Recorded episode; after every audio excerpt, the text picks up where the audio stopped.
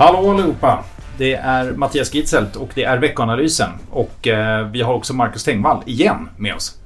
Kul att vara tillbaka. Härligt! Välkommen tillbaka. Fantastiskt. Eh, och inte minst fantastiskt en vecka som denna. Det känns som vi är allmänt på bättre humör. Vilken vecka förra veckan. Rejäla uppgångar för en skull. Absolut, det var ju väldigt stora rörelser. Eh, vi sa det när vi avslutade podden. Det viktigaste kommande vecka eh, skulle vara inflationen och det visade ju sig verkligen vara fallet. Vi såg ju att ja, S&P steg 5,5%, Nasdaq eh, 7,4% bara på torsdagen. Ja, eh, så det var jättestora dagsrörelser och, och marknaden kanske tar ut lite väl mycket. Men, men kul att det är något, att det är mer positiva signaler. Ja, alltså summerar man Stockholm så vart det ju ändå plus 8% på veckan och det är ju upp 17 på en månad nu. Mm. Eh, och dessutom som du sa, dagsrörelsen i sig var den ja, största dagsrörelsen på två och ett halvt år på, på amerikanska börsen. Så, och, och egentligen, hur, hur pass bra var siffran då? Alltså man tror ju att det här var liksom som att inflationen är över. Är det så? Nej, jag menar inflationen kom in på 7,7% för oktober. Och väntat vara 8. Så det är fortfarande mm. jättehöga tal. Eh, men det är den lägsta nivån sedan januari. Eh, och framförallt att det är lägre än förväntansbilden och då blir marknaden väldigt glad. Ja, Nej, men det, jag tror man vill se trenden liksom, och den har ju pågått ett tag och nu eh, det känns som det här var en riktig bekräftelse på att det inte bara var en månads data. Liksom, utan nu har vi faktiskt ett par månader i rad med, med vikande inflation. Och jag menar alla räknar ju med att nästa år så blir det inte alls de här talen utan de kommer ju hamna ja, jag har sett några prognoser som ligger snarare kring 2,5-3% så får vi se vad det verkligen landar i. Men, men viktigt att vi liksom nå, kommer dit eh, på tid. Så, ja men grymt roligt ja. och det här var ju inte bara egentligen aktiemarknaden som tyckte att det där var roligt utan även räntemarknaden till exempel. Långräntorna fortsätter ju. Ja, tioåringen i USA bland annat backar ju 30 punkter. Så mm alla volatilitetsindex egentligen som vanligt. Det hänger ihop liksom. Eh, dollarn föll tillbaka och så vidare. Så att, eh, jättekul eh, rörelse om man är lite mer optimistisk. Vilket ju man självklart är i grunden. Ja, och sen klart marknaden är ju väldigt pressad. Den, eh, marknaden suktar ju efter något positivt. Och, och det mest pressade, tittar man i Stockholm så var det fastighetsbolagen gick ju väldigt starkt. Mm. Bara där på torsdag när den här siffran kom in så var det ju ner 2 under förmiddagen och sen så stänger det upp nästan 8 på, mm. på, på indexnivå eh, för den här sektorn. Och på veckan är det upp 15% Så det är väldigt stora rörelser och det är framförallt då räntekänsligheten såklart. Och när räntor kommer ner, ja, då, då gynnas ju den här typen av, av bolag. Mm. Samma trender ser vi också i USA. Det är därför Nasdaq gick iväg så kraftigt också. Ja, och man kan säga att, eh, som jag sa, allt hänger ihop. Liksom. Och varför det hänger ihop? Jo, det är ju för att eh, kommer inflationen ner så kommer man ju också börja tro att Fed agerar annorlunda och då kommer ju det självklart gynna. Och då, då är det ju inte bara liksom vissa bolag utan då är det egentligen börsen brett och det är hushållen och det är liksom... Ja, då, då kommer det bli en sån, eh, eh en sån effekt. Vad är det som saknas då för Fed? Alltså hur, eh, det är ju inte bara Fed, framför, eller inte bara inflation. Eh, I USA har man ju lite dualt mål. Eh, vad saknas det mer där? Exakt. Nej, men de vill ju också gärna se att eh, arbetsmarknaden svalar av lite. Ehm, och, och, tar ett, och det är det som krävs för att de ska ta ett steg tillbaka. Ehm, nu fick vi ju faktiskt signaler på det här förra veckan också. Ehm, tidiga signaler, men bolag som Meta sa upp 13% av sina anställda. Det kom även signaler från Amazon så, som börjar granska att eventuellt skära ner mindre lönsamma divisioner. Och, ja, men Twitter, Apple, Snapchat, Microsoft, alla den här typen av bolag börja signalera eh, anställningsstopp och så vidare. Och det är det här som Fed vill se då tillsammans med inflationen eh, som, som rullar över. Så ganska positiva signaler förra veckan faktiskt. Mm. Ja, härligt. Om man ska gräva lite mer detaljerna på själva inflationssiffran då. Du sa ju 7,7% väntat var 8,0. Eh, så det lägsta nivån sedan januari i år faktiskt. Så det, ja, det, det låter fortfarande högt med 7,7 men det visar ju faktiskt att vi har haft... Eh, ja, det är faktiskt rätt lågt för att vara det här året. Kärninflationen då som man tittar på kom in på 6,3. Väntat där var 6,5.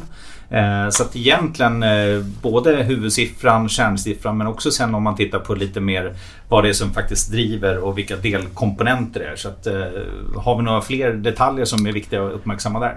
Nej men det var bra över hela linjen egentligen. Mm. Rensar man för mat och energi som du var inne på så, så, så var det också positivt. Tjänstepriser eh, dämpas, boendekostnader eh, mm. har lite lugnare utveckling. Och det här har gjort att den här förväntade räntetoppen på Fed har ju kommit ner en del eh, här sen förra veckan. Ehm, men det krävs ju någonstans att det räcker ju inte bara med en månadssiffra utan trenden måste fortsätta eh, och ehm, får ju hoppas nu att, att nästa inflationssiffra som kommer den 13 december här eh, kommer vara på samma väg egentligen. Ja, och intressant också att den kom ju dagen innan Feds eh, räntebesked. Eh, och där är det ju väntat en 50 punkters höjning då. Eh, men givet den siffran och där kommer man ju självklart ha lite, lite förhandsinfo på ett sätt. Eh, så, så kan det ju naturligtvis bli så att, att planerna förändras. Det ska bli väldigt, väldigt spännande. Mycket hänger ju just på, på penningpolitiken och det gör det också om vi, vi börjar kika lite vad som gäller framöver.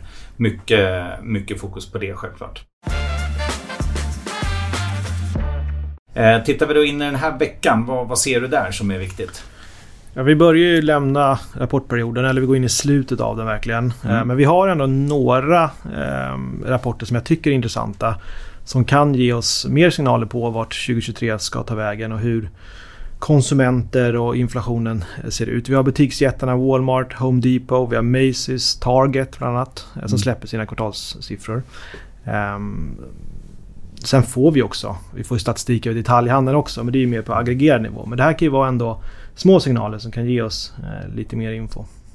Verkligen. Eh, ja, eh, ja, det finns ju ett bolag som kommer på onsdag faktiskt med rapport. En liten eftersläntrare som jag gillar. Eh, det är Nibe. Eh, och det är sån här, tycker jag ska ingå i alla långsiktiga portföljer. Eh, jag vet inte om det är helt rätt eh, läge nu att köpa innan rapport på något sätt. Men eh, det är ett långsiktigt väldigt bra innehav. Nu har det gått ganska starkt och det är väl därför jag kanske kortsiktigt är eh, lite mer försiktig. Men, eh, men eh, det är någonting vi har i vår portfölj. Vår samarbetspartner ABG på aktieanalysen har haft ett grönt betyg, har faktiskt sänkt det på grund av att det är lite höga förväntningar. I rapporten så förväntas det att försäljningen stiger 25% eh, år över år. Då. Eh, och man har en del leveransproblem som man inte riktigt vet eh, samtidigt som värderingen har kommit upp igen. Så tittar man på sån här ev ebit multipel så är den på 30 gånger och femårssnittet är på 27 så det är lite premie på det. Eh, men jag i alla fall tycker att eh, långsiktigt så är det en otroligt god efterfrågan på bolagets produkter och liksom en strukturell tillväxt som, som kan tas till många andra länder. Så Nibe ska man äga men eh, avvakta rapporten och kika på, på den reaktionen. Mm som sagt, annars så är det ganska slut på rapportsäsongen. Det är lite kapitalmarknadsdagar. Det kommer från ja, Atlas, bland annat Assa Abloy och så vidare. Ehm, men självklart har vi också ganska mycket makrodata. Vad är det som kommer där under veckan som är i fokus?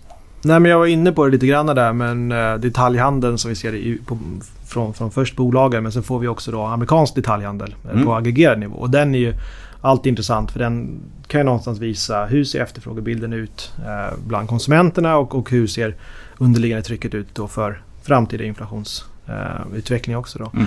Men annars så, så, är det ju samma sak som jag sa förra veckan. Det är inflation igen, men nu är det mm. svensk inflation då.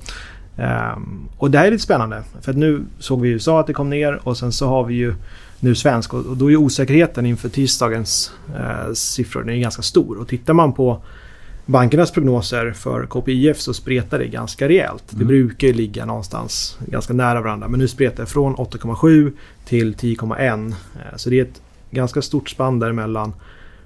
Och att det är så osäkert det kan väl till viss del ha att göra nu med, med sjunkande elpriser och, och vilken effekt det kommer ha. Och, och effekten från, från eh, att, att inflationen bromsar in i USA och sådär. Så att Jätteintressant och blir viktigt för marknaden och framförallt eh, räntemarknaden och, och Riksbanken framåt. Precis, och du sa att de här prognoserna de var ju för KPIF då och det är den här alltså inflationen justerad för fasta räntekostnader. Tittar man på övergripande svenska inflationen så väntas ju den gå, uppgå till 11,1 procent mm. eh, i oktober. Så att, eh, ja, väldigt spännande att se. Det, ni lär se lite media på det. Eh, och det kom ju då på det kommer imorgon på tisdag, mm. den siffran. Sen har vi ju faktiskt, just tisdag den här veckan är ju en extremt statistik, statistikintensiv dag. Eh, men vi behöver inte lyfta upp allt, men det är allt ifrån japansk BNP-utveckling till SEV-index i Tyskland som vi har pratat om några gånger tidigare. Amerikanska producentpriser som har fallit tillbaka lite grann men är en viktig komponent ändå. Så ganska mycket siffror. Är det något annat du vill lyfta fram från just makrodata förutom det du har nämnt? Ja, på torsdag är det ganska intressant dag för då får vi brittisk budget. Och eh, vi kanske inte brukar lägga så mycket fokus på det i vanligt fall. Men nu hade vi ju eh, Liz Truss som tvingades avgå här i oktober eftersom att hon hade en väldigt expansiv budget. som var helt ofinansierad. Och nu kommer då nya finansminister eh, som, som man har tillsatt då, eh, Jeremy Hunt, eh, som väntas höja skatterna och, och då göra allt för att inte låta inflationen dra iväg ytterligare. Så att den kan ändå vara lite intressant eh, för marknaden nu på, på torsdag. Då. Eh, men annars så tycker jag att vi har fått in mycket. Det, det är som sagt en, en väldigt intensiv vecka. Men fokus på detaljhandel och inflation. En grej som jag tänker på, som inte har med makro att göra. Eh, dels så är jag fortfarande, ja man behöver påminna sig lite grann hela tiden. Dels tänker jag på global börsutveckling senaste året. Eh, tittar man på världsindex mätt i kronor så är det upp 1,3% Man tänker ju att det har varit ett riktigt risigt år men det ser faktiskt ganska ganska bra ut ändå om man, om man tittar så. Eh, det andra som faktiskt inte heller är så makroorienterat just nu men som kan bli det, det är att jag tittade på siffrorna över coronafall i, eh, i Kina. Alltså inte hur mycket de faller utan faktiskt hur mycket de stiger de här coronafallen. Eh, och där har vi haft en enormt kraftig ökning under de senaste dagarna. Det har ju egentligen under flera månader legat på kanske 1000, max 2000 eh, dagliga nya fall. Eh, och nu ligger vi och någonstans snittar över 10 000 fall. Så det är, det är en femdubbling på ganska kort tid.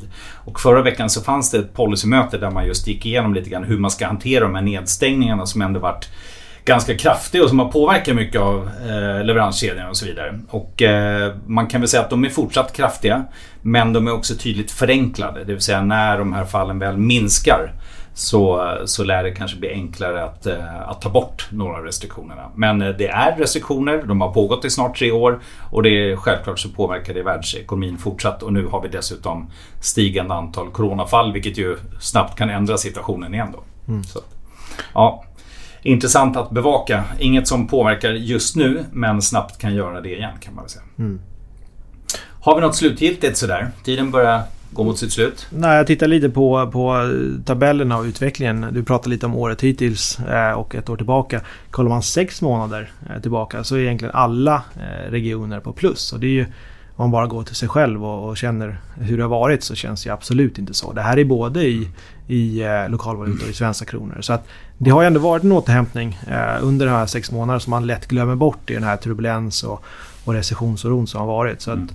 Allt är inte beckmörkt där ute ändå. Det får man väl ändå ta med sig tycker jag. Verkligen inte. Ja, men till och med svenska börsen är ju på sex månader upp faktiskt. Som du säger. Ja, så att, ja det är väldigt spännande. Och, eh, det som också om man tittar på just utvecklingen då. Det man verkligen kan notera förra veckan är att räntorna börjar komma ner till Ja men ändå, om man tittar amerikanska tioåringen på 3,86. Det är lägre än vad den var för en månad sedan. Så det, även där händer det lite faktiskt. Mm.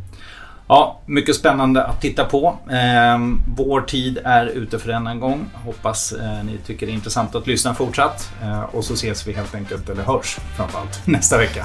Det gör vi. Ha det bra, hej. Hej.